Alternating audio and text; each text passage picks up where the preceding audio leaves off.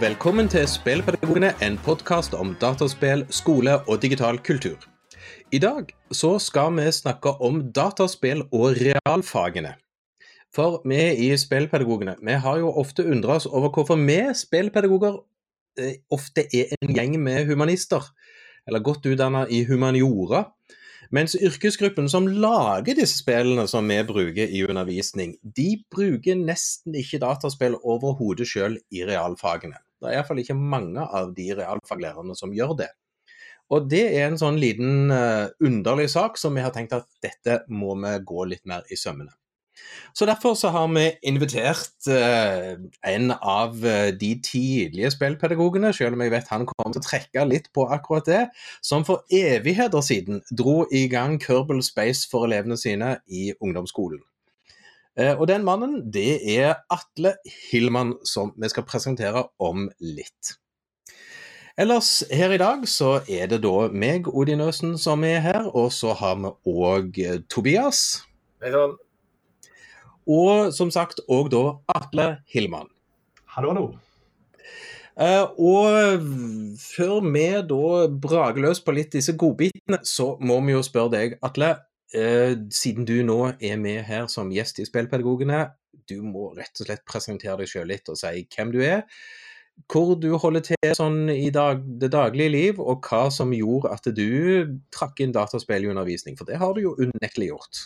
Uh, absolutt. Jeg heter Atle. Jobber på Fagerborg ungdomsskole i Oslo for øyeblikket. Eller har gjort det de siste fem-seks år nå. Det hele på en måte begynte jo egentlig i starten av lærerutdanninga. Jeg har jo alltid vært en gamer og interessert i spill fra jeg var ja, fire år. Men idet jeg på en måte var på inn i læreryrket, så så jeg jo ganske tidlig at det kunne være en kobling, og hadde liksom hørt noe så endte jeg opp med å skrive bacheloroppgave om måte, det temaet. Og fikk testa litt ting i praksis, og så fikk jeg tatt med noen ting inn i på en måte som, som lærer også senere. Men, men, ja, det er jo dette her med realfag. Det er jo en ren realfagslærer. Uh, jeg underviser i matte, naturfag og teknologi og design, valgfaget på ungdomsskolen. Um, og har på en måte alltid lyst til å bruke spill, og vet jo at det er en kul greie og en fornuftig greie men har ikke gjort det så mye. Du nevner jo Kerbal Space Program, som jeg tenker er kroneeksempelet og det beste eksempelet. Og de beste erfaringene jeg har med det i realfag. Ja. Mm. Spennende. Vi skal komme tilbake til litt mer utfordringer med dataspill i realfagene, gode og dårlige eksempler, hva vi tenker, eller hva vi som er her tenker at vi bør streve etter, og, og kanskje noen sånne utfordringer til en realfaglærer eller to underveis. Men før vi gjør det, så tar vi en liten runde med godbiter, eh, som siden sist gang. Og eh, da begynner vi med deg, Tobias. Hva er det du holder på med for tida som spillpedagog? Ja, Nei, jeg er jo 100 eh, engasjert med doktorgraden min, stort sett i alle fall, foruten det å være faglærer på HVLs HVL sitt kurs i spillpedagogikk. Så det er jo det. Eh, og nå skal jeg endelig litt ut på tur igjen. Jeg skal til Digra Nordic i Uppsala i 2023. Der er jeg med i et panel som snakker om spill og skole i lys av um, I lys av Nå har jeg glemt hvor modellen heter sånn i forbifarten. Men det er iallfall Espen Aarseth og Gordon Kaleha som har uh, lagd en modell som tar høyde for at dataspill ikke bare er design av objekter, men at de har en rekke krav til, altså materielle krav, og at de er en del av en stor industri. og at der, de inngår ulike forskjellige diskurser og måter å se verden på, og bla, bla, bla. bla. Så jeg skal da presentere uh, Walking Dead og Frostpunk i lys av uh, denne modellen her. Og diskutere hvilket av de som egner seg best for undervisning. Spoiler alert, det er The Walking Dead og ikke Frostpunk. som egner seg best, i hvert fall for etikk. Um, argumentet mitt er at Frostpunk, siden det er så mekanisk um, tettpakka, er det sikkert ikke så gøy å se på som det å spille sjøl. Da må elevene spille sjøl. Men utfordringa er at Eh, da får du og resultatet av dilemma, ja, Frostbank har jo etiske dilemmaer. F.eks. skal du tillate barnearbeid eller ikke? Eh, hva slags mat skal du servere de stakkars eh, forfrosne innbyggerne dine osv. Men konsekvensene av valget ditt blir gitt deg på forhånd, og det blir uttrykt eh, mest i spillmekaniske konsekvenser. Altså går hope opp eller ned? Går discontent opp eller ned? Og sånne ting. Ja, så får du jo nest, du, du får jo nesten vite det med en gang òg, altså. Det, det er jo Ja. sånn det, Ja. Mm. Nettopp. Mens Walking Dead eh, funker jo så bra fordi at konsekvensene av valget ditt ikke er kjent for deg på forhånd. Så må du sitte og Mm. ditte med i veldig mye større grad. Mm. Det skal jeg snakke om, da. Eh, så det er veldig kjekt. Og, og Dette er i Uppsala nå i april. Det gleder jeg meg kjempemasse til. Eh, ellers, så i tillegg til å taste i vei på avhandlinger, og så spiller jeg jo litt òg. Eh, og etter nyttår så kjøpte sånn veldig tidlig i bursdagsgave så kjøpte jeg meg sjøl en steamdekk. som jo ikke er til salgs i Oh. Norge. Ja, jeg. Oh. Den er ikke til salgs i Norge i butikk. Du må kjøpe den via Finn, som av folk som har kjøpt den i utlandet. Det er altså en eh, Det ser ut som en forvokst Nintendo Switch, egentlig. Men det er altså en eh, Jeg skal ikke si en fullblods-PC, akkurat, men det er da en PC som kjører en liksom proprietær versjon av Linux som heter Steam OS. Der Valve, altså det selskapet som, som står bak Steam, da, som har lagd Steamdeck, de har på et eller annet magisk vis eh, fått Linux til å være kompatibelt med det aller meste av spill, i hvert fall som jeg er interessert i å spille. Eh, og den, så den har gyroskop, den har stor touchskjerm, den har alle knapper som en vanlig konsoll skal ha. Eh, men han har òg to bitte små sånne touchpader på seg. Som gjør at det går faktisk ganske enkelt å spille spill som krever en viss eh, musepeker- musepekerpresisjon. Mm. Så den sitter jeg nå, den er spiller mest på, spiller mest på henslengt på sofaen eller på kollektivtransport eller hva det måtte være. Og i tillegg så hysj, hysj, det går an å installere noe som heter Emudeck, så du kan emulere alt fra PlayStation 3 og ned til Commodore 64. Mm. Så Switchen trenger man jo strengt tatt ikke lenger. Nei da, Nei. Men det, det sa ikke du høyt. Nei. det sa ikke. jeg ned bare, last ned bare ned de spillene dere har kjøpt fra før av, folkens. Ja. Hvis ikke ikke, hvis, ikke så kommer, hvis ikke så kommer Steam og stenger kontoen din. Ja.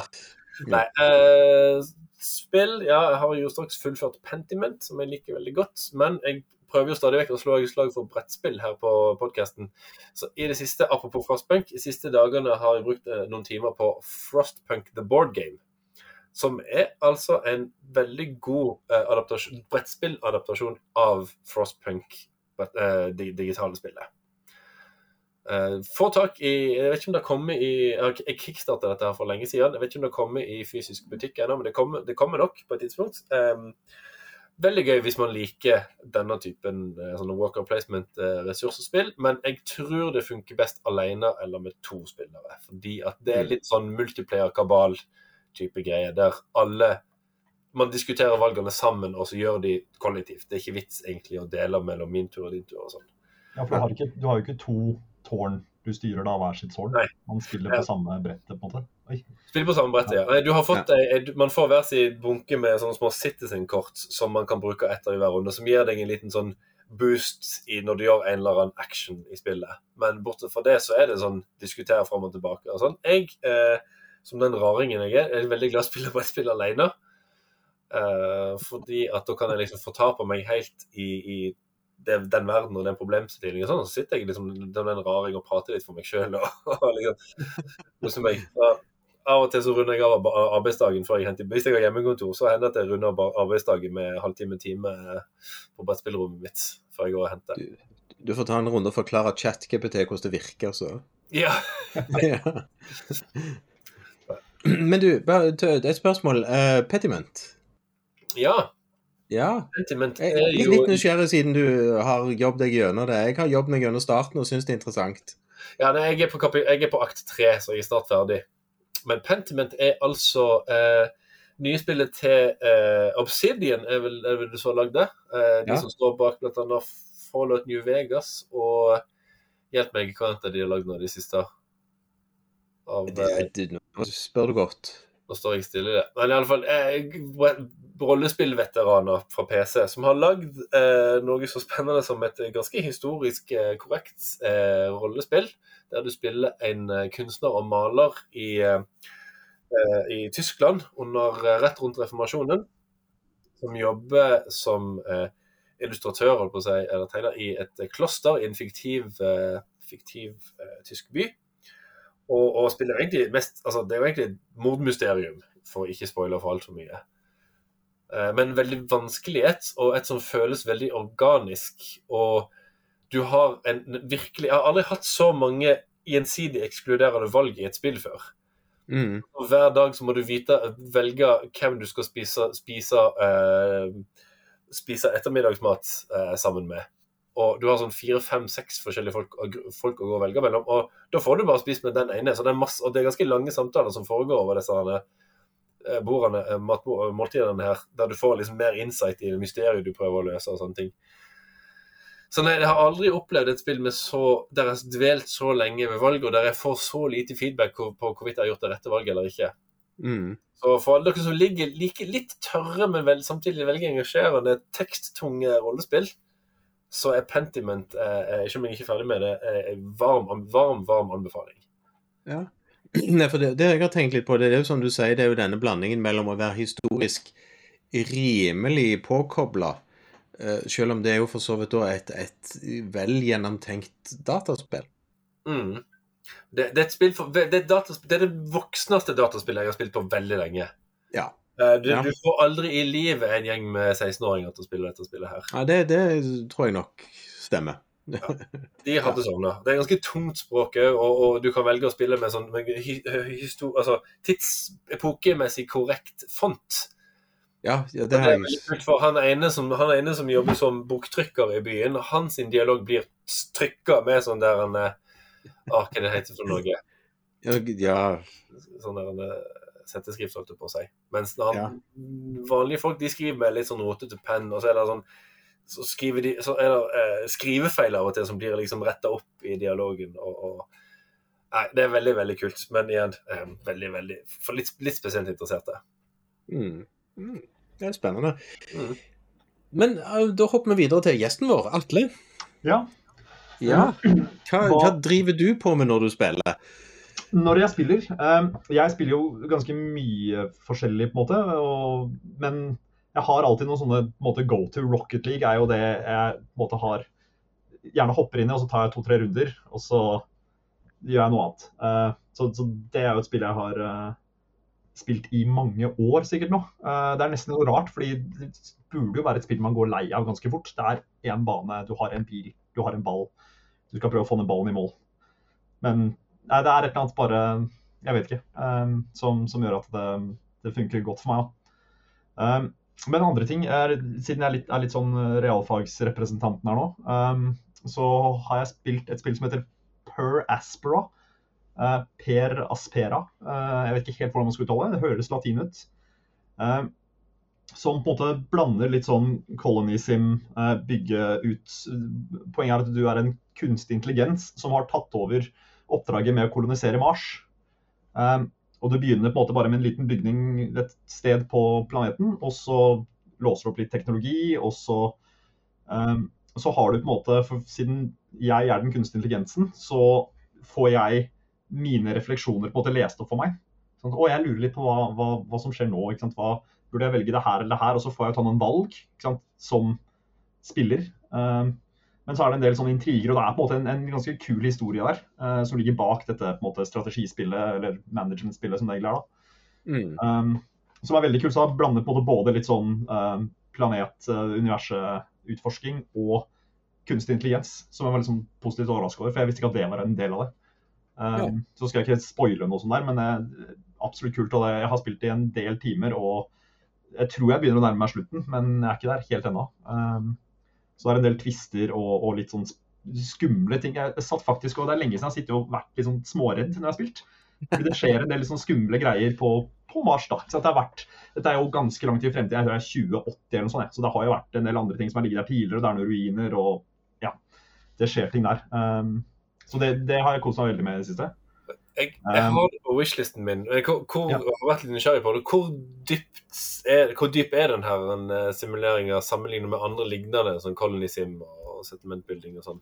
Um, den er nok uh, jeg, vet, jeg, vet, ikke helt hva du mener med liksom hvor dyp den er. Hva, hva tenker du på? Hvor, hvor komplisert er det? Hvor, uh, um, altså er det en, et annet spill som heter heter Workers and Resources Soviet Republic, eller en sånn spill som heter det, det, skal, det skal få kloakk og vanntrykk, liksom, snart. Um, nei, det er relativt enkelt sånn sett. Du har på en måte en fem-seks ulike ressurser du kan på en måte dra opp av planeten. Eh, og så kan du, disse kombineres på noen forskjellige måter til å lage forskjellige deler, og så kan dette bygges sammen til enten liksom arbeidere eller noen droner eller noe Ja. Eh, Mm. Så det er relativt enkelt sånn sett. Det er ikke noe Europa Universalis kjempekomplisert greie. Eh, Mm. så, så, så spillmekanisk så er det ganske, ganske enkelt. Mm. Um, ja. Um, Ja, det, jeg, det- det høres uh, ut, ut som det er midt i blinken for liksom, det, det nivået jeg pleier å like på. Jeg synes jo Jeg har veldig lyst til å like Europa Universalis som Crusader Kings, men eh, jeg ja, er, altså, er, jeg har ikke hatt noe problem. Jeg husker ikke hva slags vanskelighetsgrad jeg satte det på, for jeg tror det har noe med hvor mye ressurser du klarer å få, hvor fort ting går og sånn. Men det, det, det var ikke et vanskelig spill. Jeg er ikke på vei til å tape uh, da jeg har gjort noen gode valg underveis. Um, så det er så- verdt å det blir- spille bare for den, den måte, historien der. Ja, ja, det jeg skulle til å si at det er liksom et narrativ som driver lysten til å spille annet enn liksom å lykkes med resource management. Liksom. Hadde det bare vært måte, resource management-biten, så hadde jeg ikke spilt til noe mer. Uh, men der, jeg, jeg lurer på hva som skjer videre her. Ja. Uh, Mm. Så det er verdt, verdt å se på sånn sett. Ja. Um, nei, ellers så vant hva? Uh, Kerbal Space Program 2 selvfølgelig må jo nevnes. Det holdt jeg nesten på å glemme. Uh, det kom jo ut for en to-tre uker siden, tror jeg. Um, Mm. Så det jeg har spilt litt, det er jo kommet ut i early access. liksom. Så det er jo ikke helt ferdig ennå.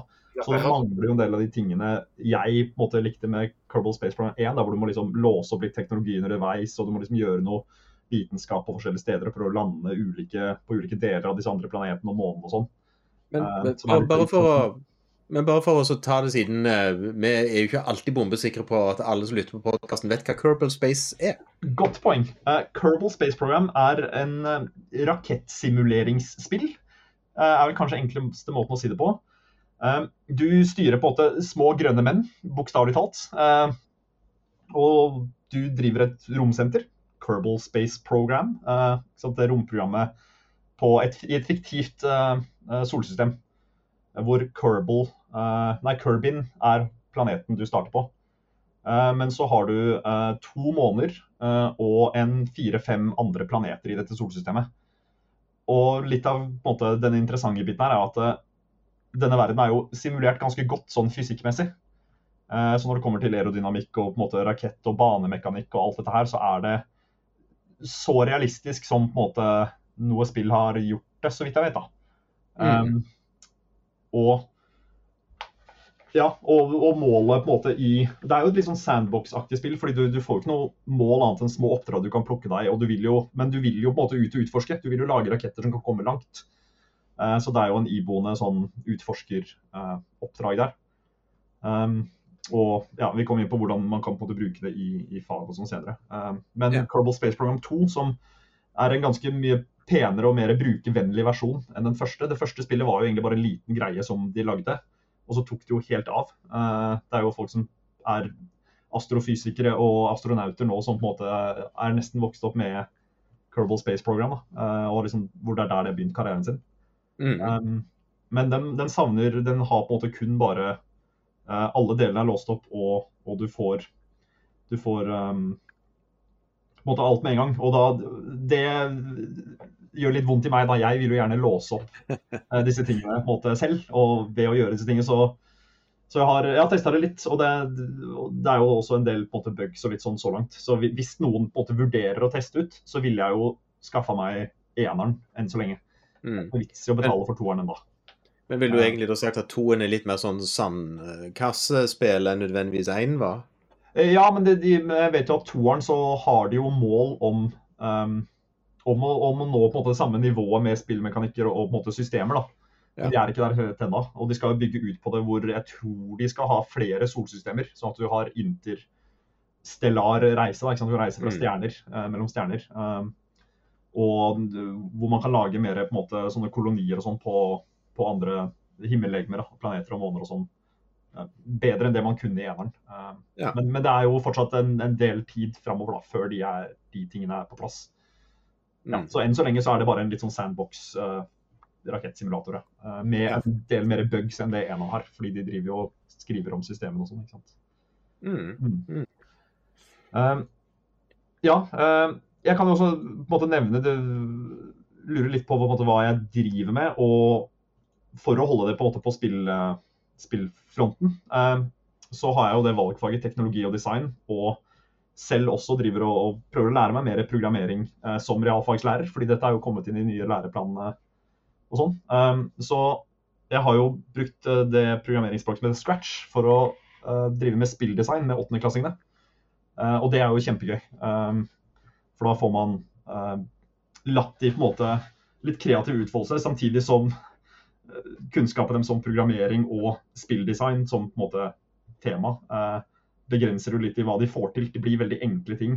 Men man kan jo snakke om alle disse kule spilltingene, spilltemaene man snakker om. Mm. Om det er level design eller om det er historier. og Jeg har hatt noen gode måte, eksempler allerede. Noen som har lagd eh, spill som på en måte uh, ja, er skummelt og skal liksom uh, Ja, nesten litt som um, Nå glemmer jeg helt uh, det viking mental schizofreni ja, Hell, Hellblade. Hellblade, ja. Uh, dette er jo på en måte 2D Flash-versjonen, men som, som, spiller litt på, de, på, på angst og sånn.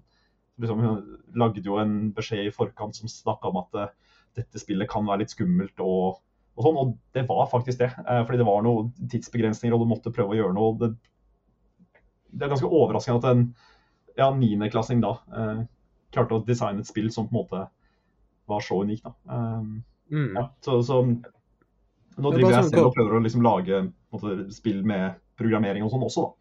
Um, mm. så, så, ja.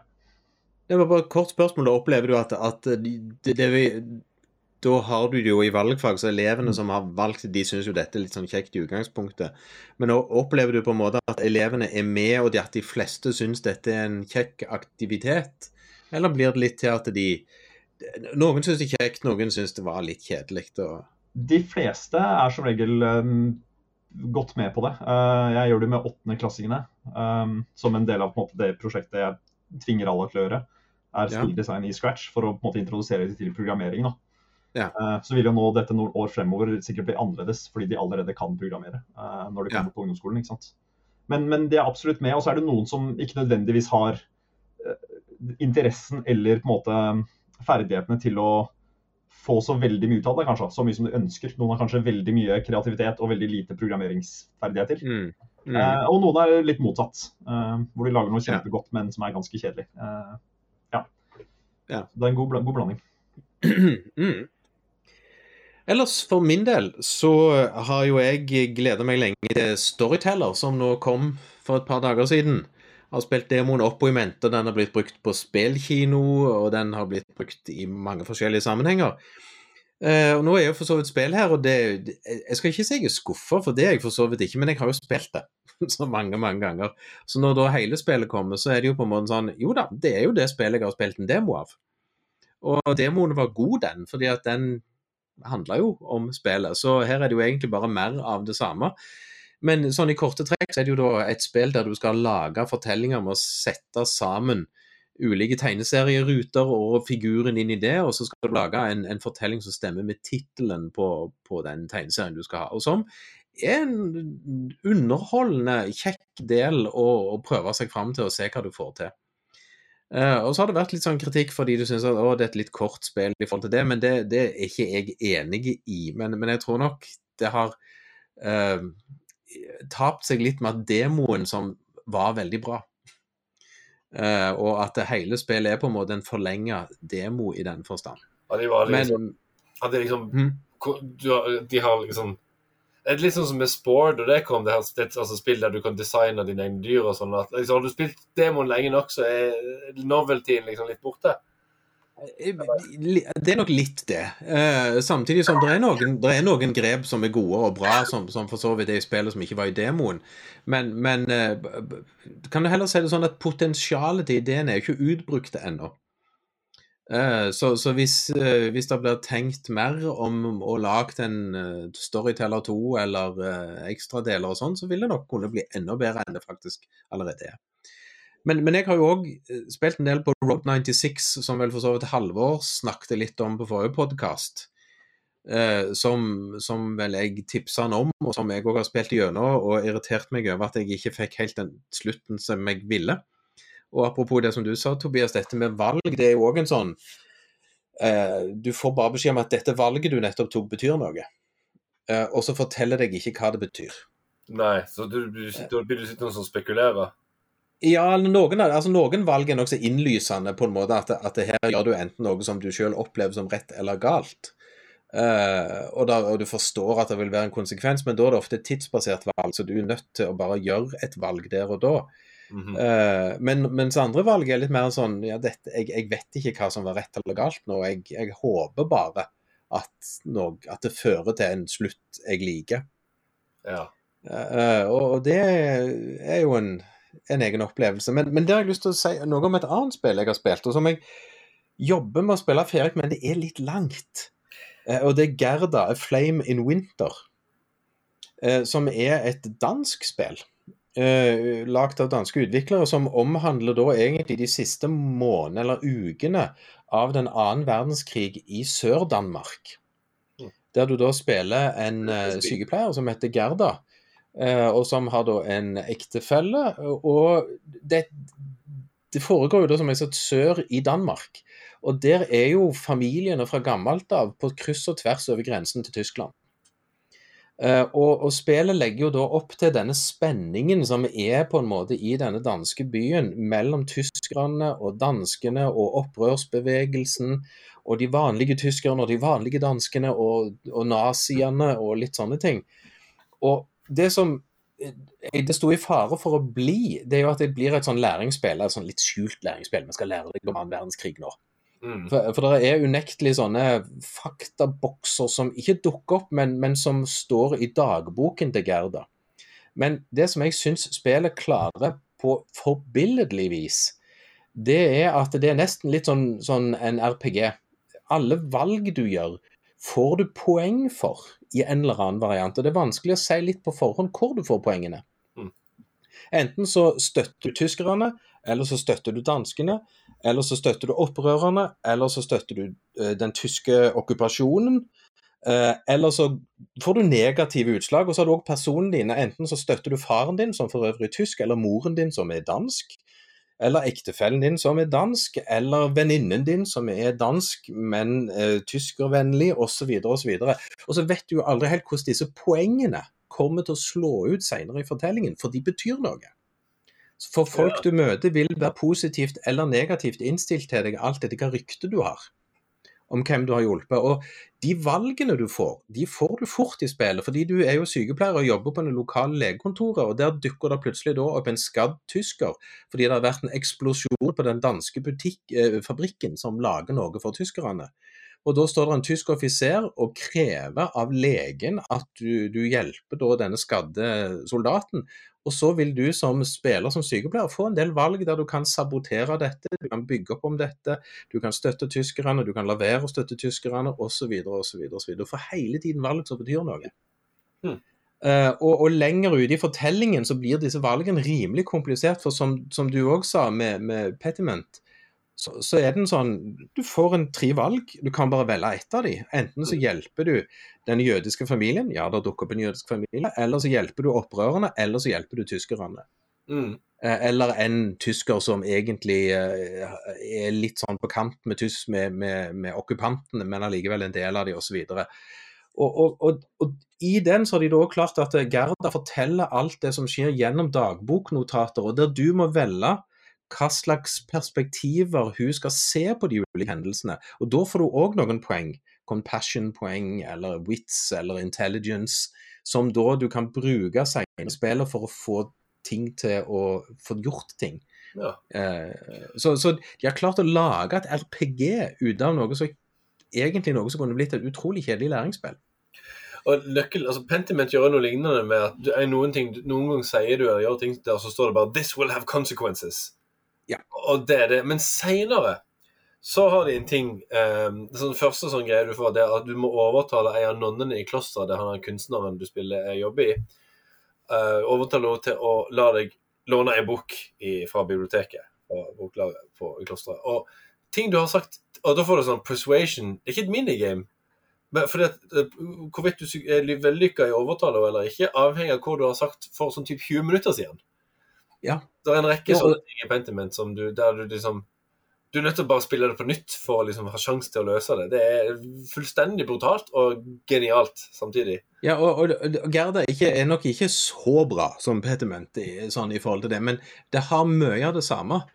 Uh, som òg gjør på en måte at du ender deg jo du, du kan forville deg opp i situasjoner du rett og slett ikke kommer deg ut av. Kan jeg bare uh, løfte blikket i to sekunder her og bare sette den, den diskusjonen her i lys av eh, for så vidt litt det vi skal snakke om senere, men òg den etablerte diskursen om hvorfor spill er bra for læring. Har dere sikkert hørt den der at altså, James Paul G snakker jo om at spill er bra for læring fordi de gir deg umiddelbare konsekvenser av valgene dine. I dette tilfellet, i noen tilfeller så er det bra spillesign at du ikke får vite konsekvensene av valgene. Ja, altså, For dikter, dikter du med, ikke sant? ja, ja, I Gerda så får du vite konsekvensen, men du vet ikke helt hva den betyr. Nettopp. Det er det jeg mener. Altså, du, Du- du, får vite liksom at, at dette likte tyskerne. Blink! Mm. Så plutselig liksom støtter du den tyske okkupasjonen med et poeng ekstra. Og så var det sånn Å å ja. Mm. OK, hva betyr, hva betyr det neste gang jeg skal snakke med noen danske? Ja, og du får iallfall ikke gjort informerte valg. Eh, og fordi at valg i in real life altså, er jo ikke in fullstendig informerte. Nei, så, så, så jeg, jeg liker den måten de har klart å bygge det opp på. Og så skal jeg innrømme er, eh, Og det er, en sånn, det er meg i et nyddaskall. Jeg spiller såpass mange spill at jeg er veldig hårsår på overganger i spill som tar tre sekunder for lang tid. Eh, og, og det er noen sånne overganger i det spillet med litt for rolig musikk, med litt for sakte innzooming. Og når jeg da har sett det for n-te gang, så, så rett før jeg får noia. Og når da spillet, hvis du skal spille gjennom hele spillet, så tar, tror jeg det tar seks timer. Jeg er ikke der ennå. Uh, Kan jeg bare spørre, for det høres ut som du på en måte endrer på en måte litt OK, nå har du støtta tyskerne, nå har du støtta. Er det veldig sånn lineært? Å, nå støtta du de slemme, nå støtta du de snille? Eller er det mer flytende? Eller det er jo vanskelig kanskje å si, men det, er mer, det er mer flytende. Altså, det, det er jo, det er jo nokså det er jo en retning i fortellingen. Det, uten å røpe for mye, så blir jo mannen din uh, er, har da deltar og støtter den danske opprørerne. Og blir, ut, og blir fengsla fordi han blir fakka som en av sabotørene til noe som, som de gjør. Og så Det handler jo om å prøve å få han ut av fengselet, vil det vise seg da. Men, men, men samtidig som du prøver å få mannen din ut av fengselet, eller få han godt behandla så må, så må du kanskje enten hjelpe venninnen din, eller danskene, eller tyskerne, eller den jødiske familien, eller presten som prøver å hjelpe den jødiske familien. Altså, du, du må forholde deg til 100 000 ting samtidig oppi dette. Og, og samtidig prøver du å veie alt du gjør opp imot et slags mål du har lyst til å ha. Så jeg tenker, jeg har jo prøvd å tenke ut eh, hvordan vil jeg bruke dette i undervisning? For det er jo innlysende et eller annet sted i samfunnsfag så er det en aktuell ting for ungdomsskolen. For, for det er et veldig interessant perspektiv på lokalbefolkning under annen verdenskrig. Det, det, det ikke var sånne typiske krigshandlinger. Det var liksom mer denne utfordringen som familiene hadde med at de hadde veldig mange lojaliteter eh, tett på seg. Og, og, og Det som har vært spennende å ha fått gjeng i klassen til å gjøre, det er at noen spiller det med sympati for opprørerne, noen med sympati for tyskerne, og noen med sympati for altså, du, du genererer ulike grupper som skal spille spillet på gitte måter for å se hva som skjer, og hvordan de sjøl opplever det å måtte ha en sånn en rolle i spillet, og ikke nødvendigvis bare eh, gjøre det de tror er rett. Det høres ut som det kunne vært sånn Walking Dead-aktig òg, hvor man må liksom OK, men du velger å støtte tyskerne her, ja, hvorfor gjør du det? Ikke sant? Kan du komme med argumenter for hvorfor du velger Ja. å ta det valget og det valget? Ja. Ja, og det, og det er jo spennende fordi du gjør valg nesten hele tiden i spill. Det, det, er, en, det er en valgmotor. altså Du, du blir utsatt for nokså kompliserte eh, etiske situasjoner i, relativt ofte. Og så- og så handler jo mye av begrunnelsen til å bruke dataspill i historie, er jo f.eks. å få det her og, og liksom få bytta perspektivet sitt litt, sånn at du i større grad kan utvikle historisk empati. Altså skjønne at folk back in the day eh, hadde jo, kunne, hadde, hadde jo ikke evnen til å gjøre informerte valg. og Da kan det le- lett nå, 18 år, flere tiår senere, si at ja, dumminger som gjorde fine ting for tyskerne. Mens sånne spill kan jo nettopp demonstrere at ja, ja, men det er ikke så svart-hvitt når du faktisk er der og har 18 forskjellige valg og interesser og behov å balansere.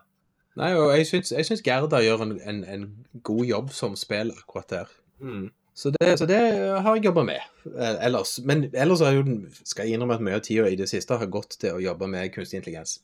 Ja.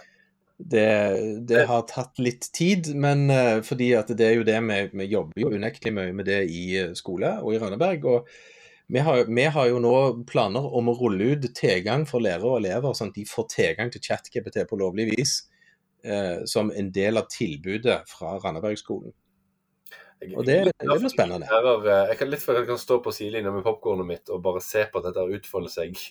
jeg har tenkt at dette skal gå rimelig bra. Jeg. Mottoet er at du, du, vi må bare ta litt den tyren med hornene fordi at vi slipper ikke unna. Hmm.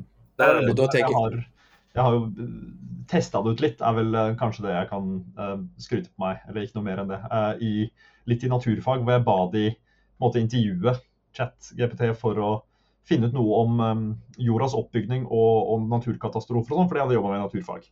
og det var bare for å på en måte introdusere de for det og sånn. Og da ser jeg jo elever som har tatt det i bruk i etterkant. Og da er det jo veldig interessant at man kan ta de diskusjonene med elevene da. man kan jo legge det opp og gjøre noe med hele klasse og gjøre det veldig styrt. Jeg åpna det for dem, forklarte de hva det var, og noe om på en måte begrensningen her. Da. Dette er ikke en eller annen sånn orakel som alltid har det rette svaret og svarer alt riktig osv. Uh, men heller nesten ga det til de som en utfordring. Mm. Ja, dere kan prøve å finne ut noe mer her, og det er mulig å få noe informasjon. Men du må sjekke om den informasjonen er riktig. da. Eller klarer du å få den til å si noe feil om, som du kan motbevise fordi du kan noe om dette her? Ja, men det, ja, for, for, det er jo det jeg har brukt mye tid på å forklare, for at lærere har holdt en del kurs allerede, om at ChatGPT, som er på en måte det som ruller ut nå, er jo en språkkunstig intelligens. Og, og, ikke en faktamaskin på noe som helst vis. Og, og, mm. hva det faktisk innebærer av styrker og svakheter, og hva egentlig GPT gjør veldig bra, og hva GPT ikke nødvendigvis gjør veldig bra. Og at det er viktig å, å kunne av de tingene. Jeg lurer på hvor mye dette her kommer til å havne inne i spillet etter hvert. Liksom den, den overgangen mellom kunstner og inn i spill. Har du spilt AI Dungeon? Uh, nei, jeg har vel aldri prøvd det, men jeg har hørt om det, tror jeg. Uh, ja, jeg, jeg hvor, hvor, den lager på en måte en, et scenario for deg, ja, og skriver det. Jo, ja, den, den, brukte jo de tidlige utgavene tror jeg, av, av GPT. Uh, eh, og det var jo en sele som opplevelse som regel. Fordi at det, du endte jo opp på villspor, for å si det mildt. Det, det, var et, liten, et lite vind der det var veldig bra, men så ja. uh, spytta de til en svakere modell eller et eller annet sånt, så var det ikke så gøy lenger. Da var det ekstremt generisk og fantasiløst. Men ja. en liten periode så var det kjempebra. Ja, men, men det er jo faktisk altså ChatGPT eller eh, litt sånn varianter av det, nå litt hva man har tilgang til. ChatGPT kan man også begrense som tjenesten ChatGPT, men GPT som motor mm. kan gjøre nokså spennende ting. Så, så, det er litt hva du har tilgang til, og hva du gir elevene tilgang til. Så kan den være en veldig god eventyrmotor. Good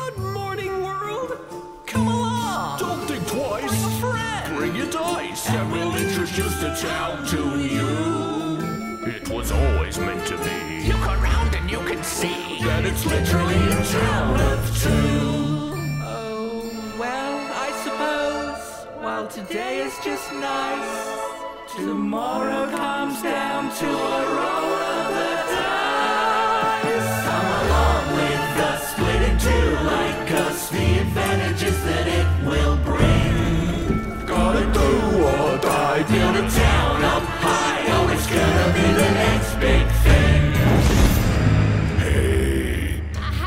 Men da kunne vi jo, som en overgang, egentlig bare spurt uh, ChatGPT um, dataspill og realfag. Ja. Hvordan, uh, hvordan, gjør vi det, kjære GPT? Uh, og jeg regner ikke med vi hadde fått så veldig mye fornuftige svar, så derfor tror jeg vi skal satse på, på, på det vi holder på med. Men jeg har lyst til å jeg har mine egne meninger oppi dette, men jeg har lyst til å utfordre deg, Atle. Mm. Hva tenker du på som hovedutfordringen med å bruke dataspill i eh, realfagene?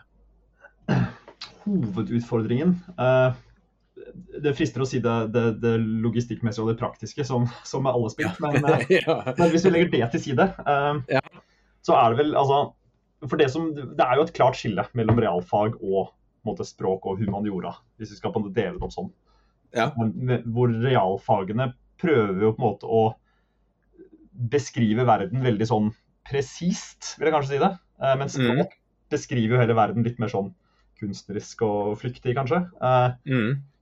og spill er jo ikke nødvendigvis, eh, eller ofte, eh, så god på å representere verden helt realistisk. Eh, Nei. og da når man har en mål om å på en måte lære noe om disse veldig presise tingene, kan man si, om det er matematikk eller om det er naturfag i form av geologi eller fysikk eller det, det her, så sliter jeg på en måte med å se hvordan spill på en måte kan um, eller iallfall jeg, jeg sliter med å finne mange gode eksempler på hvordan spill kan bidra med noe som gjør at jeg vil bruke det over alle de andre verktøyene jeg har på en måte, som lærer. Mm. Uh, jeg, for jeg har liksom alltid, Det hender det kommer ideer eller jeg ser spill og dette høres kult ut. Og så når jeg begynner å tenke på det, så, og da er det mulig jeg kanskje begynner å bli veldig selvkritisk. At jeg på en måte stopper meg selv for ofte. Men hvor jeg liksom bare sånn Ja, ok, ja, kanskje, men, men hvis jeg gjør det her istedenfor, så vet jeg de kommer til å lære dette her fortere, bedre, uh, mer effektivt uh, enn her. Og, og hvor det kanskje nesten er motsatt i, i språkfag. Skal vi se en film, eller skal vi spille et spill? Ja, men spillet gir jo mer, mer på måte, kjøtt på beina her enn å bare se filmen. Mens i, i måte, realfagene så føler jeg det kanskje er litt motsatt. At det å Jeg får det på en måte ikke opp i, i veldig på en måte sånn flåsete og, og enkel forstand. Jeg får det ikke til å passe med kompetansemålene. Jeg har lest, jeg har lest tre studier som, som backer opp en del av det du sier. faktisk. Eh, Det ene er den norske studien på Dragonbox, Dragonbox Algebra. Altså det her, er- For de dere som ikke har spilt det, det er sånn puslespill der du skal balansere ligning, men i starten så er det ikke tall du driver og balanserer. Det er en sånn arbitrære, abstrakte symboler, egentlig. Men jeg husker at, Eller figurer. og Ja, det, er vel, det er vel noen drager og noen bokser til å begynne med, er det ikke? Jo, Det er litt sånn tegneserieaktig tegneseriefigurer. og sånn. Mm. Ideen at du skal lære, skal lære deg det sånn strukturelle konseptet ved det å balansere ligning. liksom. At, ja. Mm. Den studien, eh, gjennomført av eh, Anders Kluge og ein Dolonen, som jeg glemte glemt fornavnet på, fant ut at Dragonbox De sammenligner Dragonbox med Kikora. da. Han fant ut at Dragonbox eh, de, de beskrev det som at Dragonbox fratok lærere og elever muligheter for å bruke matematikkfaglig språk, rett og slett. Jeg, Mm. jeg, vil- jeg vil si at, at det var læreren som ikke klarte å ramme Dragonbox inn. Mm. Altså, læreren ikke klarte å didaktisere Dragonbox, vil jeg si. Det var det som skjedde. Men det er Mm. liksom beside the point. Det var i hvert fall ikke eh, altså, det, det gjorde læreren til en dårligere lærer, eh, mitt tydelige inntrykk av den studien. En annen studie eh, gjennomført for en stund siden av um, Sten Ludvigsen og Ingeborg Krange, tror jeg hun heter. Dette er i 2008. Det er en stund siden i alle fall. Det var ikke et dataspill som sådan, men eh, talt for en slags interaktiv læringsopplevelse. I dag ville vi kalt det et spill. Jeg, tror jeg, har fortalt, jeg vet ikke om jeg har fortalt om det på podkasten tidligere, men du, oppgaven i spillet var at man skulle lære seg om, man skulle lære seg om proteinsyntese ved å liksom gjennomføre en slags simulert proteinsyntese. Ved å lege, le, bruke sånn jeg, Nå er ikke jeg naturfaglærer, men noe som heter sånn kodonhjul, og lese av sånne der nukleotid, Altså lese DNA-sekvenser og finne fram aminosyrer, bygge proteiner, bladi, bladi, bladi, liksom. Det var det du skulle gjøre i spillet, for at en av professor hadde eh, trengt isolin, hadde kollapsa på gulvet. Det var liksom narrativ narrative incitamentet for å liksom lage insulin, da. Men det forskerne fant ut, da, var at det var spesielt én elev i forsøket som hele tida spurte hva gjør vi, hva er det vi holder på med, liksom? Hva, hva betyr dette her? Nei, vi må hjelpe han fyren, sa de andre på gruppa. Og, og, og, men det, i etter, et, intervjuene etterpå denne øvelsen, som tok 40 minutter, eller sånn, ble det klart at ingen av elevene forsto hva de holdt på med.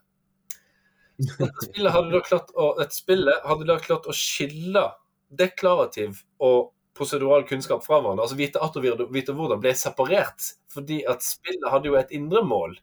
Og de kunne Mm. fint manipulere disse her blokkene og boblene og ting som skulle liksom symbolisere aminosyre og bla, bla. Uten å vite at det faktisk var aminosyre og, og de manipulerte, og proteiner de bygde, og DNA-koder Mm. og sånne ting.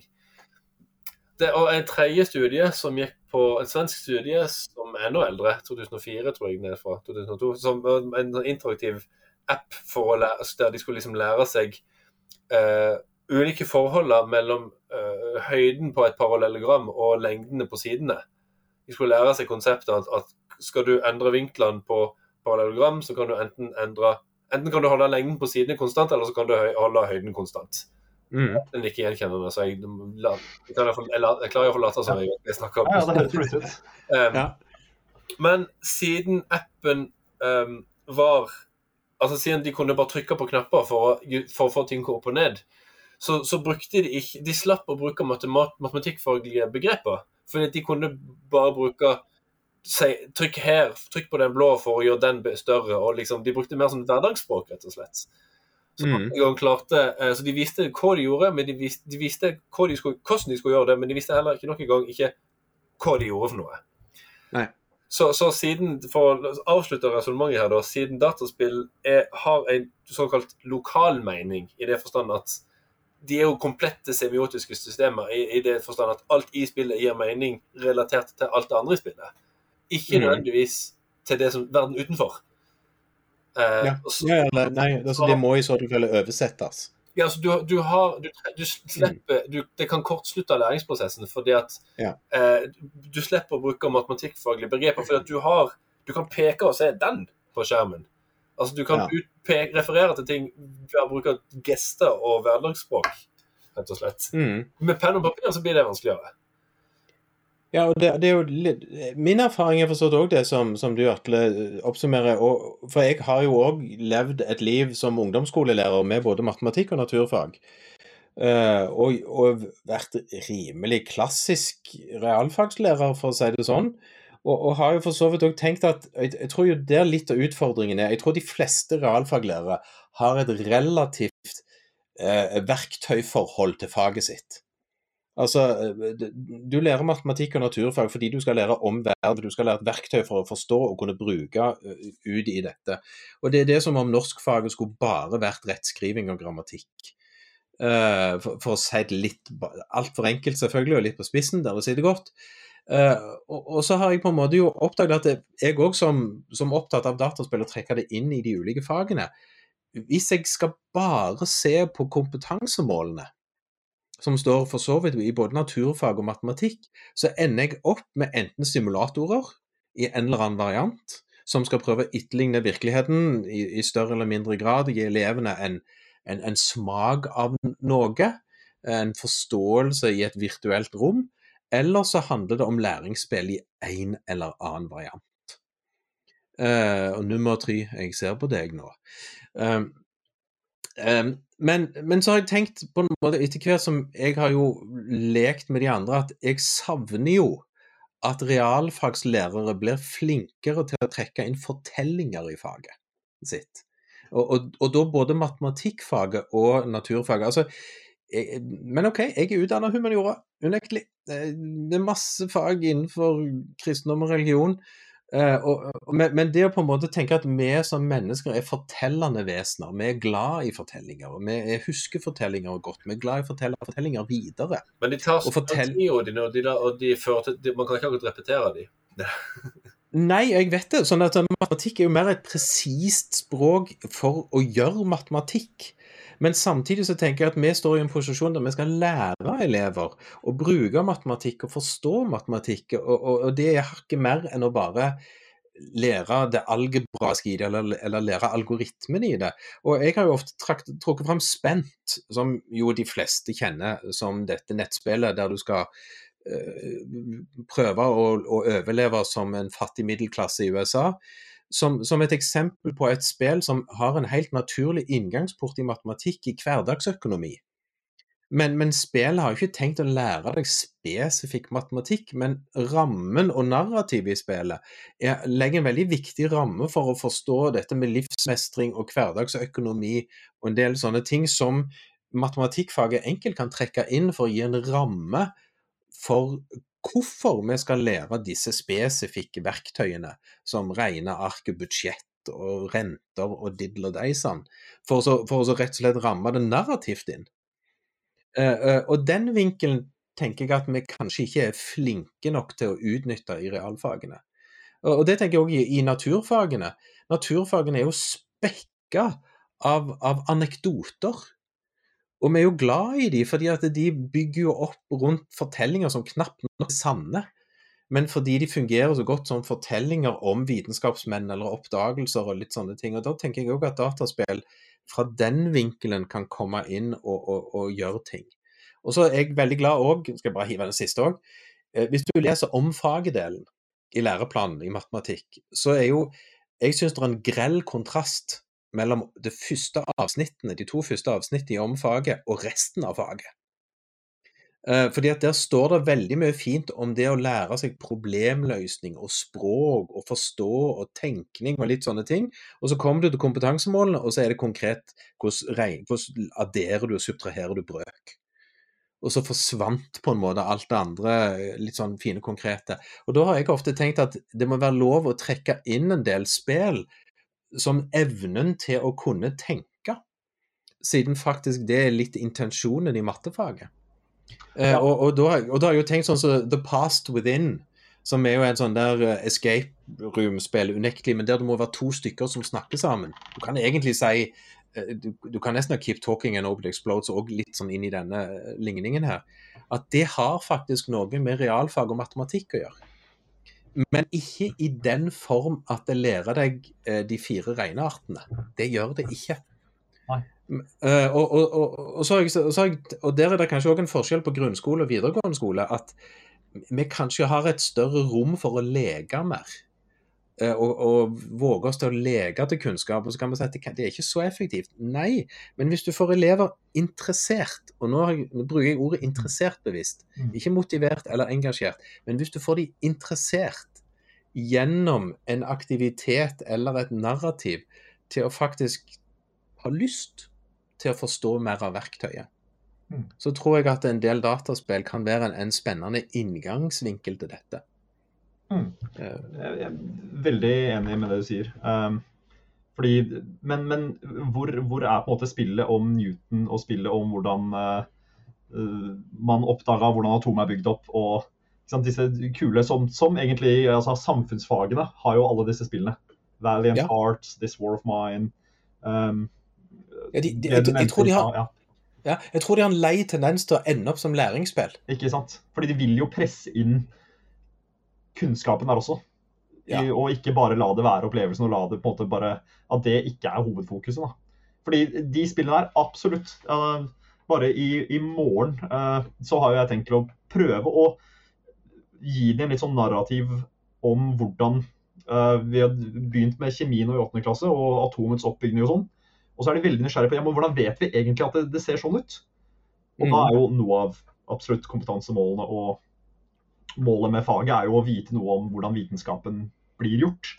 Jo, man tester, man lager noen hypoteser, man gjør noen observasjoner, man tester igjen. Eh, og det å gi det den der OK, vi tenkte først at det var ild, vind, vann og jord. Eh, og så går det derifra til uh, usikkerhetsprinsippet osv. Uh, mm. Den historien der og de, de, forsøkene som ble gjort, og hvordan det ble gjort, og hvordan de oppdaget ting og hva de gjorde, er jo kjempeinteressant.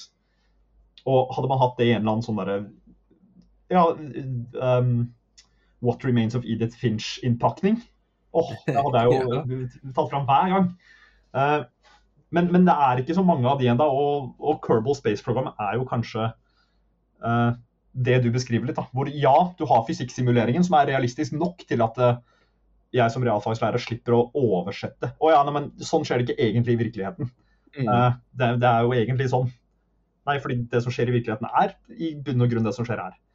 Men så mm. har du disse små grønne mennene som du ser når, de, når, de, når dette romskipet letter, så ser du de blir litt sånn forskrekka oppi kameraet i hjørnet der. og det er, noe, det er noe pakka inn i en eller annen kontekst. ikke sant? Mm. Da vil du jo gjerne forstå litt hvordan dette funker, fordi nei, nå krasja det. Nå døde det, ok, Men da spoler vi tilbake og så prøver vi igjen. Hva må vi endre på?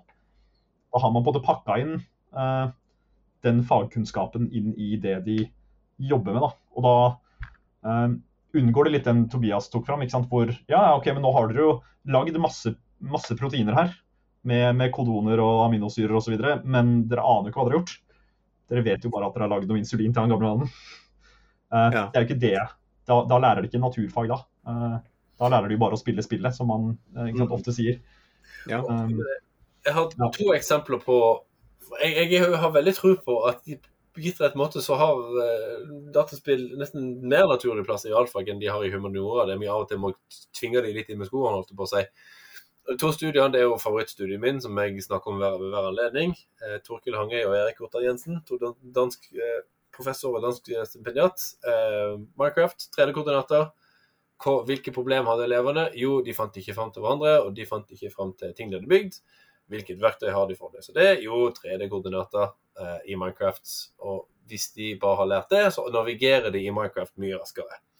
Kjempe eh, åpenbart, egentlig, når du, tenker, når du, får det presentert sånn, tenker jeg. Men kjempevellykka prosjekt der elever sa ting som at dette var første gangen de forsto at matte kanskje kunne være nyttig, og ikke bare helt arbitrære ting de måtte lære.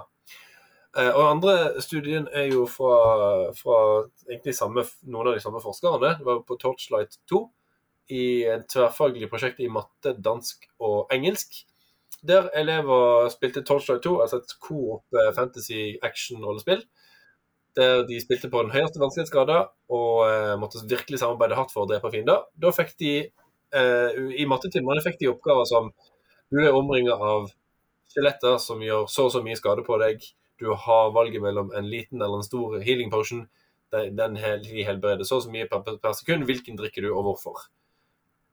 Ikke sant? Altså, det, det gir eh, semantisk mening til tallene, mm. rett og slett. Altså, du mm. får en, en, en eh, Tallene representerer ikke seg sjøl, de representerer noe annet der ute i verden, på en måte.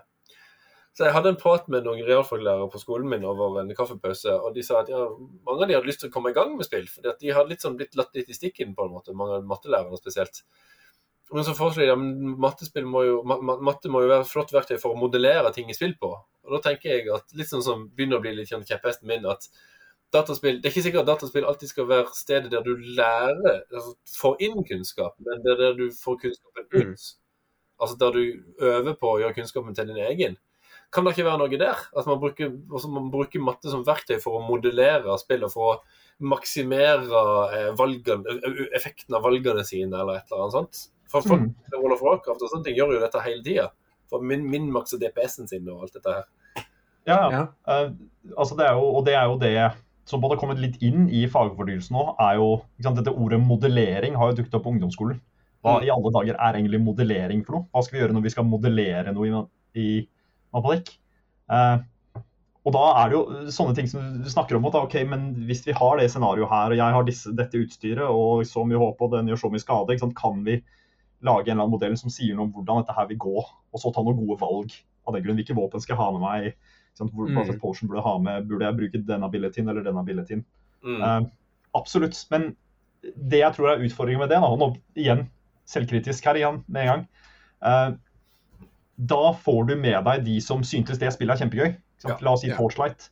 Eller jeg har hørt eksempler med på en måte, World of Warcraft og gjøre raids der og der, på en måte ja, min-maxe litt. Gjøre de absolutt beste valgene. Uh, Starcraft. Hvordan du um, ressursene dine vokser så og så fort. Mm. Uh, du vil prøve å gjøre det her og det her. Hvordan maksimerer du dette her eksakt? Masse matematikk. Men får du med deg de 30 elevene du har i klasserommet, på den? Det tror jeg er vanskelig. Ja, det, er jo her du må um, Det er jo en ting som, som, jeg tenker veldig mye Jeg sitter og skriver på et delkapittel i avhandlinga nå om dette med gaming literacy og uh, problemer knytta til elever sin varierende spillkompetanse. Uh, og jeg leste opp et par studier som ser på både hva skjer når uh, mennesker av ulike kompetansenivåer spiller et spill for første gang, og så leser jeg litt om hva som skjer når, i klasserommet. da. Og det som skjer, er jo at jo, det som du sier, de som liker spillet og som mestrer faget, er de som får noe ut av det. Og de som er som midt på treet, men, altså de som ikke kan spille sånn veldig godt, men som er faglig sterke, de klarer å hente seg inn. Men de som verken kan spille eller fag, de dropper ut. Altså spillet mm. øker forskjellen mellom elevene.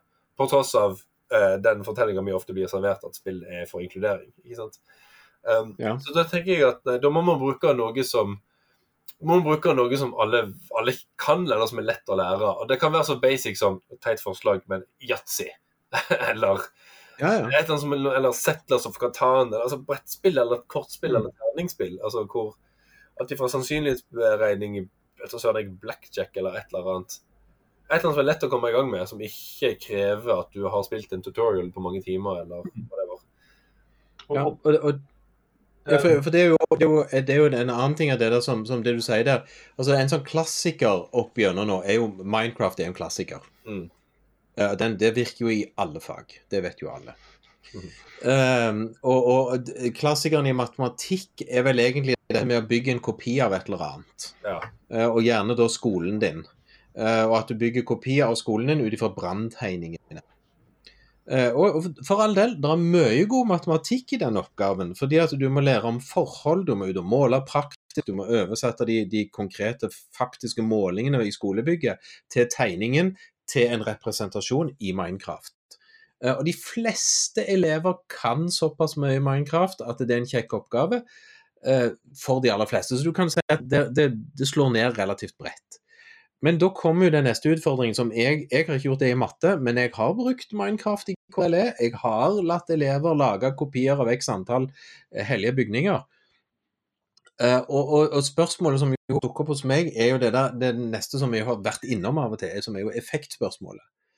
Hvor lang tid skal de bruke på å lage kopi av denne skolen i forhold til å lære dette med forhold? Uh, og, kontra samarbeid, kontra hvor kjekt de har det, kontra et eller annet.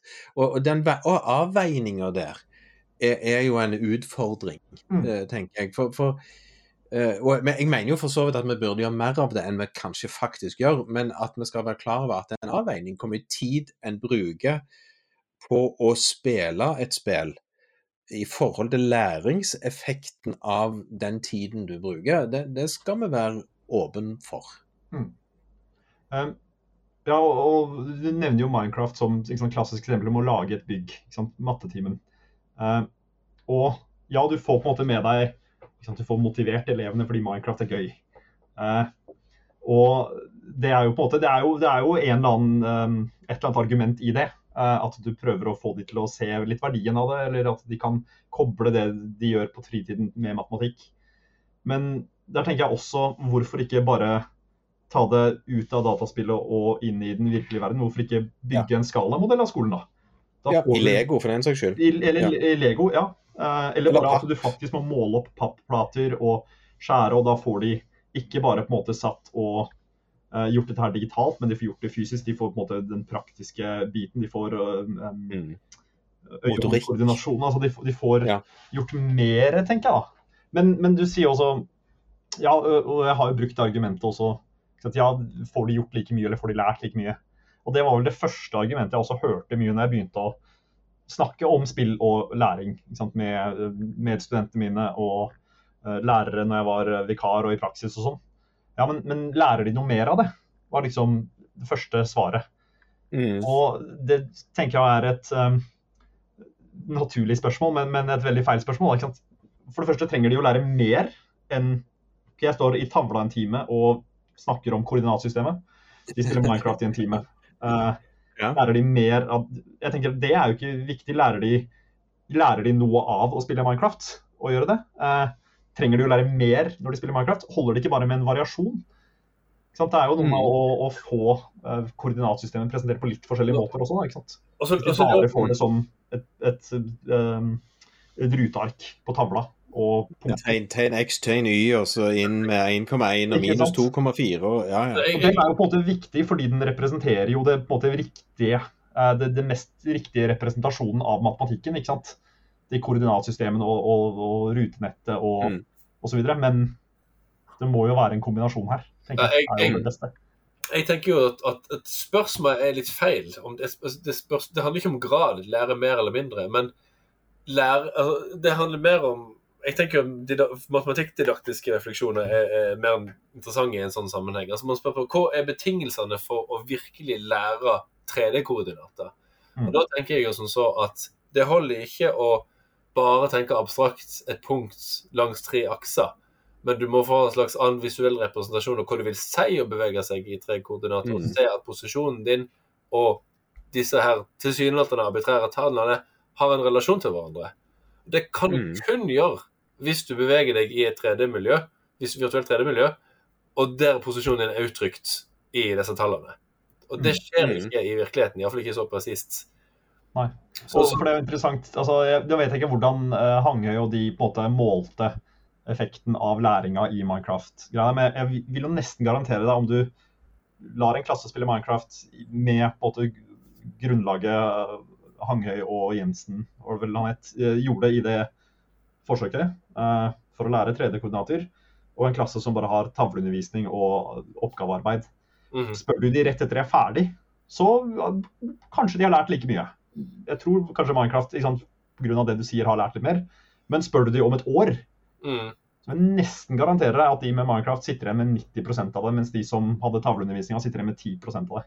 Ja, og Mm. bare kaste ut tall, men jeg tror det må være noe sånt, fordi det er jo kommet fram i en eller annen kontekst og i en eller annen situasjon, og det er satt inn i en eller annen um, Det er satt inn i et eller annet. Denne kunnskapen er ikke bare der på tavla, også der i oppgaveboka. og så Mm. møter du aldri koordinatsystemet igjen når du går ute, selv om du egentlig har et koordinat på jordkloden hele tiden. Men Jo, men det, ja, for, men det er jo det, det, er det som, som du Tobias for så vidt også sier, da, i den at du, du har jo opplevd hva koordinatsystemet faktisk er. I, i, en, i, en, I en kontekst der det gir mening Ja, for deg. og- og- ja for det, det, det det som skaper virke, læring med effekt, er jo når, ting gir, når du kan se mening, og læring, læring som endrer måten en, Gir deg et nytt par med briller å se verden gjennom. Og ha det Ja. først. Og skrittet er ikke så langt for å tenke 3D-koordinater rel- Relasjonen mellom 3D-koordinater og posisjon i Minecraft og 3D-koordinater og posisjon i et hvilket som helst tredimensjonelt system. Mm. Um, Ja. og, og, den, og igjen, som jeg har fortalt om flere ganger i podkasten, den, den teorien jeg bruker i avhandlinga mi, kom jo ut ifra bl.a. sammenligning mellom østasiatiske og vestlige matematikkklasserom. Og de, de fant at en av forklaringene på hvorfor veldig mange kinesiske og japanske og studentelever er så mye bedre i matte, at de lærer De landene har en helt annen matematikktradisjon.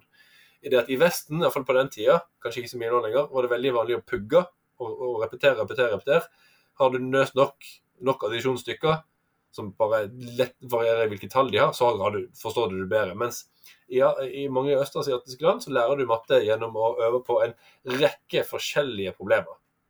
Altså De varierer typene oppgaven du løser, eh, og Mm. ikke svarene. Altså ikke samme oppgave, med ulike svar. Og Det viste seg Ja. å være veldig mye større og mer fordelaktig. For og, og Mm. Dataspill er jo nettopp en måte å variere matematikkundervisninga i form av ulike oppgaver å svare på. Eh, Aller helst oppgaver som kunne løses på mange forskjellige måter. Mm. Eh, For da er det jo til å gjøre strategiske valg i hvordan de vil tilnærme seg oppgaven, f.eks. Og det, det er jo der jeg har tenkt sånn av og til, Hvis jeg skal tenke litt sånn sidesleng, så si noen sånn tips jeg av og til har lyst til å si til at mattelærere kan, kan kikke på. Det, det er jo sånn ty, Jeg vet ikke om dere har spilt Minimetro? Jo. Eh, som, som er jo et spill, veldig sånn sym, symbolsk eh, spill i den forstand at du skal planlegge en togbane eller T-bane i, i en fiktiv eh, storby. Eh, Der det blir mer og mer komplekst, der folk skal reise fra den stasjonen, og så skal de av på den stasjonen. Og så må du da klare å lage et system som, som tar unna all denne trafikken etter hvert som byen vokser og vokser og vokser. vokser. Eh, og, og det morsomme med det er jo på en måte at det står jo ikke noe sted i læreplanen i grunnskolen om at du skal lære om dette. Men, men det gir en veldig god forståelse, en sånn blanding av matematikk og samfunnsfag, om hvordan eh, T-banesystemer eller togsystemer eller kollektivsystemer i en storby fungerer, og at dette er knytta til matematiske begreper, matematisk forståelse, systemer. eh, Hvordan skal du organisere en, et, et kollektivsystem i en storby for å få det til å fungere? Og at det da faktisk er systemer i dette eh, som må eh, kanskje erfares gjennom å oppdage det. Eh, og, og kan jo da Minimetro være et sånn inngangsporten til en sånn type tenkning i faget. Selv om, selv om de lærer ikke ungene addisjon eh, på noen som helst måte, men de kan lære en del viktige ting i forhold til mengder og størrelser og systemer som unektelig har med statistikk og matematikk Ja, å og, og og så tenker jeg jo at, at dataspill funker nok ikke best som innlæring, men jeg tror det funker, som jeg sa, i stad, veldig bra for å gi, gi de scenarioer som kan ses på med matematikkfaglige briller. Ja. Og da trenger det ikke være ja. Det var, akkurat det Ja, ja. på en måte jeg ville ja. si det du sa der. Ja, det du nevnte i stad. med at eh, ja, det er ikke så mye vi kan lære direkte ut fra. Da må vi på en måte til læringsspillene, ikke sant? Dragon Box og sånn, for å lære noe om matematikken. Eh, og så er det gode og dårlige måter å gjøre det på, selvfølgelig. Men du kan jo gjøre sånn som Jeg synes det var et godt, godt eksempel. Jeg har spilt Minimetro uten å egentlig tenke de baner der. Eh, men ja, det er jo et system. ikke sant? vi snakker veldig mye nå med den nye læreplanen og på 8. trinn så har vi snakket masse om måte, det å se mønstre og forstå et system. Mm. Kan vi beskrive dette her? Kan vi liksom se et eller annet mønster her? Og hvis vi kan se det mønsteret, kan vi jo faktisk gå så langt at vi kan uh, beskrive det matematisk. Men før det kan vi Mm. beskrive det med ord. Vi kan lage tegninger for å beskrive det. Vi kan sette opp tabeller for å beskrive det. Og Minimeter blir Mm. jo sånn, et, et sted hvor man kan finne disse mønstrene, da, annet enn Mattelærerne vil jo tenke alle disse figurtallene vi viser de, ja, den prikken blir til fem prikker, og så blir den til tolv prikker, og så hvordan øker dette her? Det er jo en veldig sånn klassisk Nå har vi et mønster her, hvordan utvikler det seg? Mm. Det er nok en annen inngangsport, ja, og, og et godt eksempel, tror jeg. Eh, Og så, så, har så har jeg to eksempler også, som, som jeg er for så vidt glad i. Ett jeg faktisk ikke har spilt sjøl, men jeg har lagd et undervisningsopplegg om det. Og jeg har fått andre til å bruke det. Eh, og det er et spill som heter Lost in Random. eh, som, som jeg har spilt sjøl, og, og for så vidt likt. Og, og det morsomme med det spillet er jo på en måte at det tar en veldig sånn poetisk tilnærming til tilfeldigheter. Det der på en måte den der narrativet er knytta til tilfeldigheter. Om en verden som er styrt av tilfeldigheter i ulike lag, med liksom den laveste samfunnsdelen der alle er på en måte slaver av dronningen som har terningen som bestemmer hva slags verden du havner i. Skal du være i liksom terningkast nummer seks eller terningkast nummer én? Uh, og, og, og, og alt blir styrt av dronningens terning, som på en måte plasserer deg i en verden når du når en viss alder. Mm. Uh, og, og så inviteres du egentlig med på et spill der tilfeldigheter er innbakt som en del av narrativet, samtidig som det er en del av spillmekanikken. Og samtidig som du da på en måte trekker inn matematikk i samfunnsfag, med om hva er en tilfeldighet, hvor tilfeldig er tilfeldigheter? Eh, og er egentlig tilfeldighet tilfeldig? Alt etter hvordan det blir brukt i et samfunn.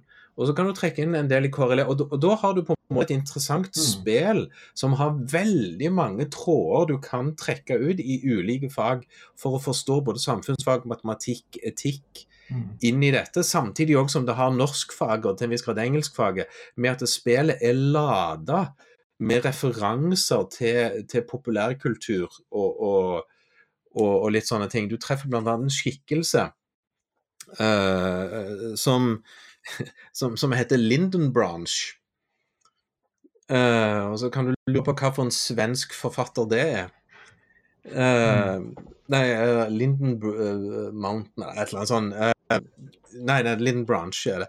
Og, og, og det er jo da utvikla svenske utviklere, dette her. Og de koser seg jo i populære referanser. Samtidig som de da har klart å lage et spill som handler om det matematiske evnet det ønsker å ta opp. Og spillmekanikken er også knytta til tilfeldigheter i forhold til hva du oppnår i kampsystemer osv. osv.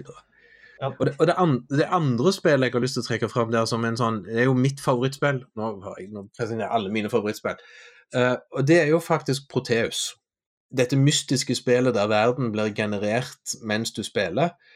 Eh, og, og, og det er egentlig et slags digitalt dikt om livet, og det handler vel så mye om hvordan elevene opplever spillet. Men i, gjennom å spille det, så er det mulig å trekke inn en god del matematiske ting knytta til f.eks. kaosmatematikk, Mandelbrots mengde, og, og en del sånne randsoner, altså dette med, med prosedural eh, generering av verden, og igjen dette med tilfeldigheter og litt sånn systemer og kaostenkning og litt sånne ting. Som, som, som vi nettopp har snakket om der, det matematiske i det er en sidedel av spillet, men det fungerer godt å bruke spillet som en introduksjon, som en opplevelse av noe du etterpå kan ta opp i matematikken og sette matematiske, Mm. et matematisk språk på, men da har elevene en opplevelse som de kan koble til det matematiske språket. Mm. Ja, det likte jeg. For jeg, har jo hørt om Proteus og, og spilt det litt selv. Jeg, jeg har ikke helt klart å på en måte leve meg inn i den verden, kan du si. Men når du sier ja, vi snakker om måte noe med hvordan måte, kanskje datagrafikk er generert, eller liksom, det er masse matematikk her. Fem minutter i starten av timen hvor man spiller det. Hvis du går tilbake og veier opp sant? hvor mye tid skal vi bruke mot hva man lærer. De fem minuttene tror jeg kan være veldig verdifulle om man klarer å lage de koblingene da, til matematikken. Absolutt. Og Mm. du nevner Lost in Random. Uh, tidligere i dag faktisk, så eh, hørte jeg jo det også om det. Og jeg har det på Switchen. Jeg har ikke prøvd det ennå. Og har egentlig Jeg trodde jo ikke det skulle være måte, noe som spilte på altså, Det ligger jo litt i tittelen 'random', men jeg trodde ikke det skulle være noen sånn matematisk underbyggelse her. At det bare var en sånn ordspill eller men, men, det er jo tydelig at jeg må prøve det nå. Uh, og det høres jo ut som, ut ifra din beskrivelse iallfall, at det også kan gli rett inn i en sånn derre Vi trenger ikke å spille det masse, eller vi kan, vi kan bruke storefri til å på en måte spille med de som har lyst, og så kan man ta det over mattetimen etterpå.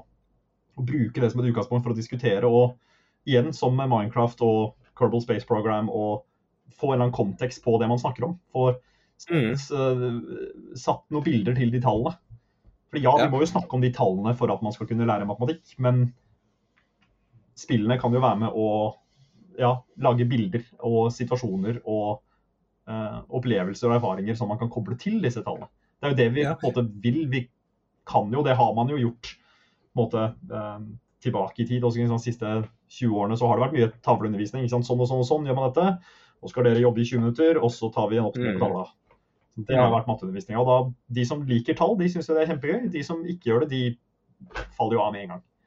Ja, og det, og det er bare sånn for å følge opp det, at de lærerne som har spilt Lost Modern, har jeg faktisk fått snakket med.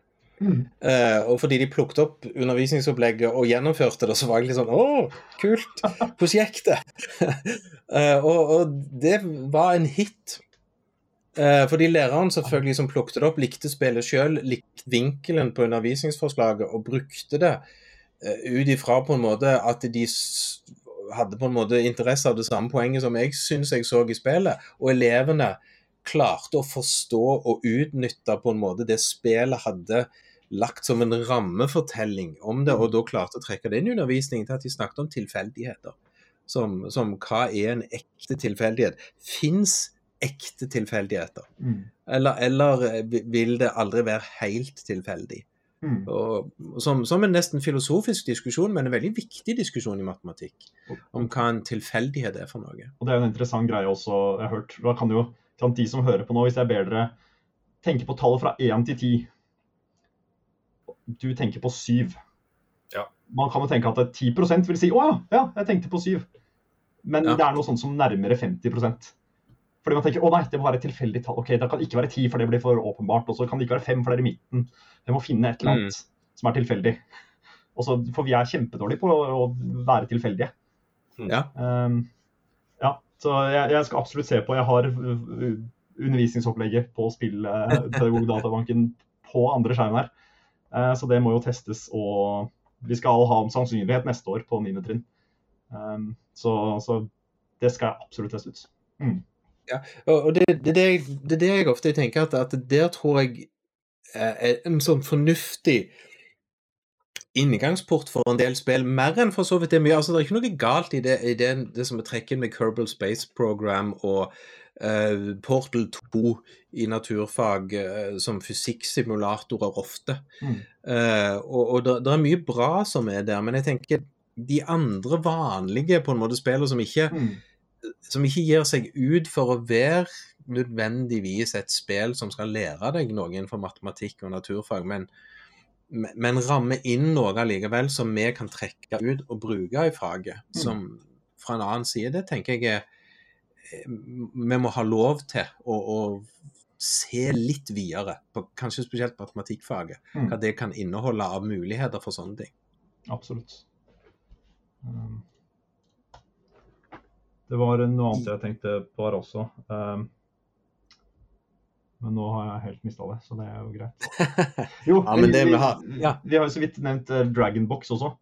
Um, og jeg, jeg føler det er verdt å, å, snakke litt mer om det også, fordi man Og dere har vel nevnt det også tidligere som et dårlig eksempel på spill. Og det er jo et læringsspill som har vært populært, og som på en måte har blitt litt sånn kritikerrost. Og så uh, var det en studie Tobias nevnte som hvor det på en måte hadde funka bra.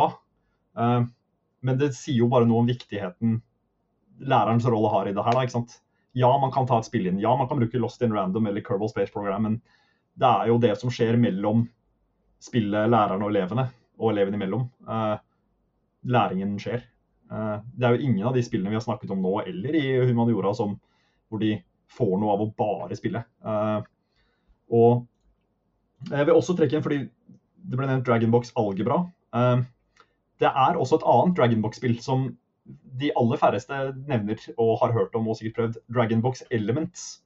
Mm. Som eh, baserer seg på Euclids elementer og er et mer geometrispill som på en måte lærer deg om forholdet mellom måte, figurer og, og, hvordan du på en måte kan skaffe deg på en måte, informasjon da, om geometriske figurer fordi du vet noe om disse um, aksiomene um, Euclid um, kom opp med. Um, og det syns jeg var kjempegøy. Jeg har spilt selv, jeg har ikke testa det med elever. Uh, men det jeg kommer til å teste med elever på et eller annet tidspunkt, er et spill som bare er i nettleseren, men også som apper, hvis det er så riktig. Uh, Euklidea, Euclidea ja. Euclid og mm. idé på engelsk. Uh, som ja, spill er kanskje å ta litt i. Det er jo på en måte leveler, og det blir vanskeligere og vanskeligere og sånn. Men der er det det det spillet gjør på en måte veldig bra, er jo å bruke det matematiske språket. Så når du snakker om at to linjer er like lange, så ser man at det er en strek vinkelrett gjennom dem det er symbolet for å vise at to ting er like i matematikk. Mm. Så da slipper man den overføringa når man skal på en måte um, bruke et spill, for eksempel, da, ikke sant? Og, for det er det, det er det, på en måte som stopper meg mest. da. Nå, nå har jo jeg i samtalen her um, fått mye mer tanker og den, den, ideen om at ja, men vi kan jo bruke ting for å kunne snakke om matematikk i dette perspektivet, eller i denne situasjonen. Uh, så jeg tror det er mye å hente der, og jeg har mye å tenke på. Uh, men, men i f.eks. Euclidea, vi kan jo kanskje legge en link til det. Det er jo et uh, såpass tilgjengelig spill sånn sett. Der har mm. man matematikken beskrevet sånn matematikken er beskrevet. Du slipper den oversettelsen. Den tenker jeg er ganske viktig. da. Eller den gjør jobben din som lærer mye tyngre hvis du skal bruke f.eks. Dragonbox-algebra for å jobbe om ligninger. Mm. Så kan det være det er verdt det, men da må det rammes inn og oversettes på riktig måte. Ja, altså jeg har brukt Euklidea i faktisk som, som, et, som, et, som et spill. altså Det er mer en slags konkurranse. altså Det handler jo på, det er jo mer sånne små geometriske gåter eh, som du skal konstruere på, på datamaskinen.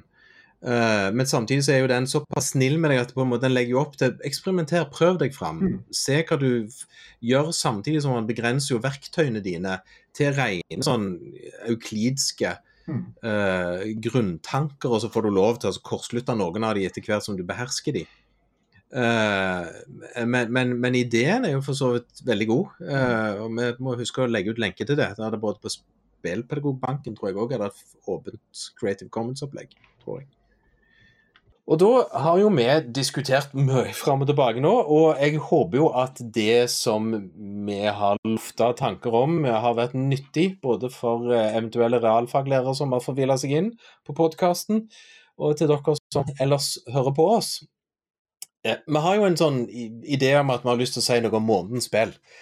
Og eh, det som vi vel har tenkt oss fram til, at av alt vi har snakket om nå, det finnes jo mange spill som det går an å trekke inn i matematikken. Eh, og så, som vel Vi har snakket om at noen er veldig høytravende, komplisert å få til. Andre er veldig tett opp til læringsspill og skal bare lære, prøve å lære deg noe matte. Så vi har vel lyst til å ende opp litt med en utfordring til folk med Lost in Random.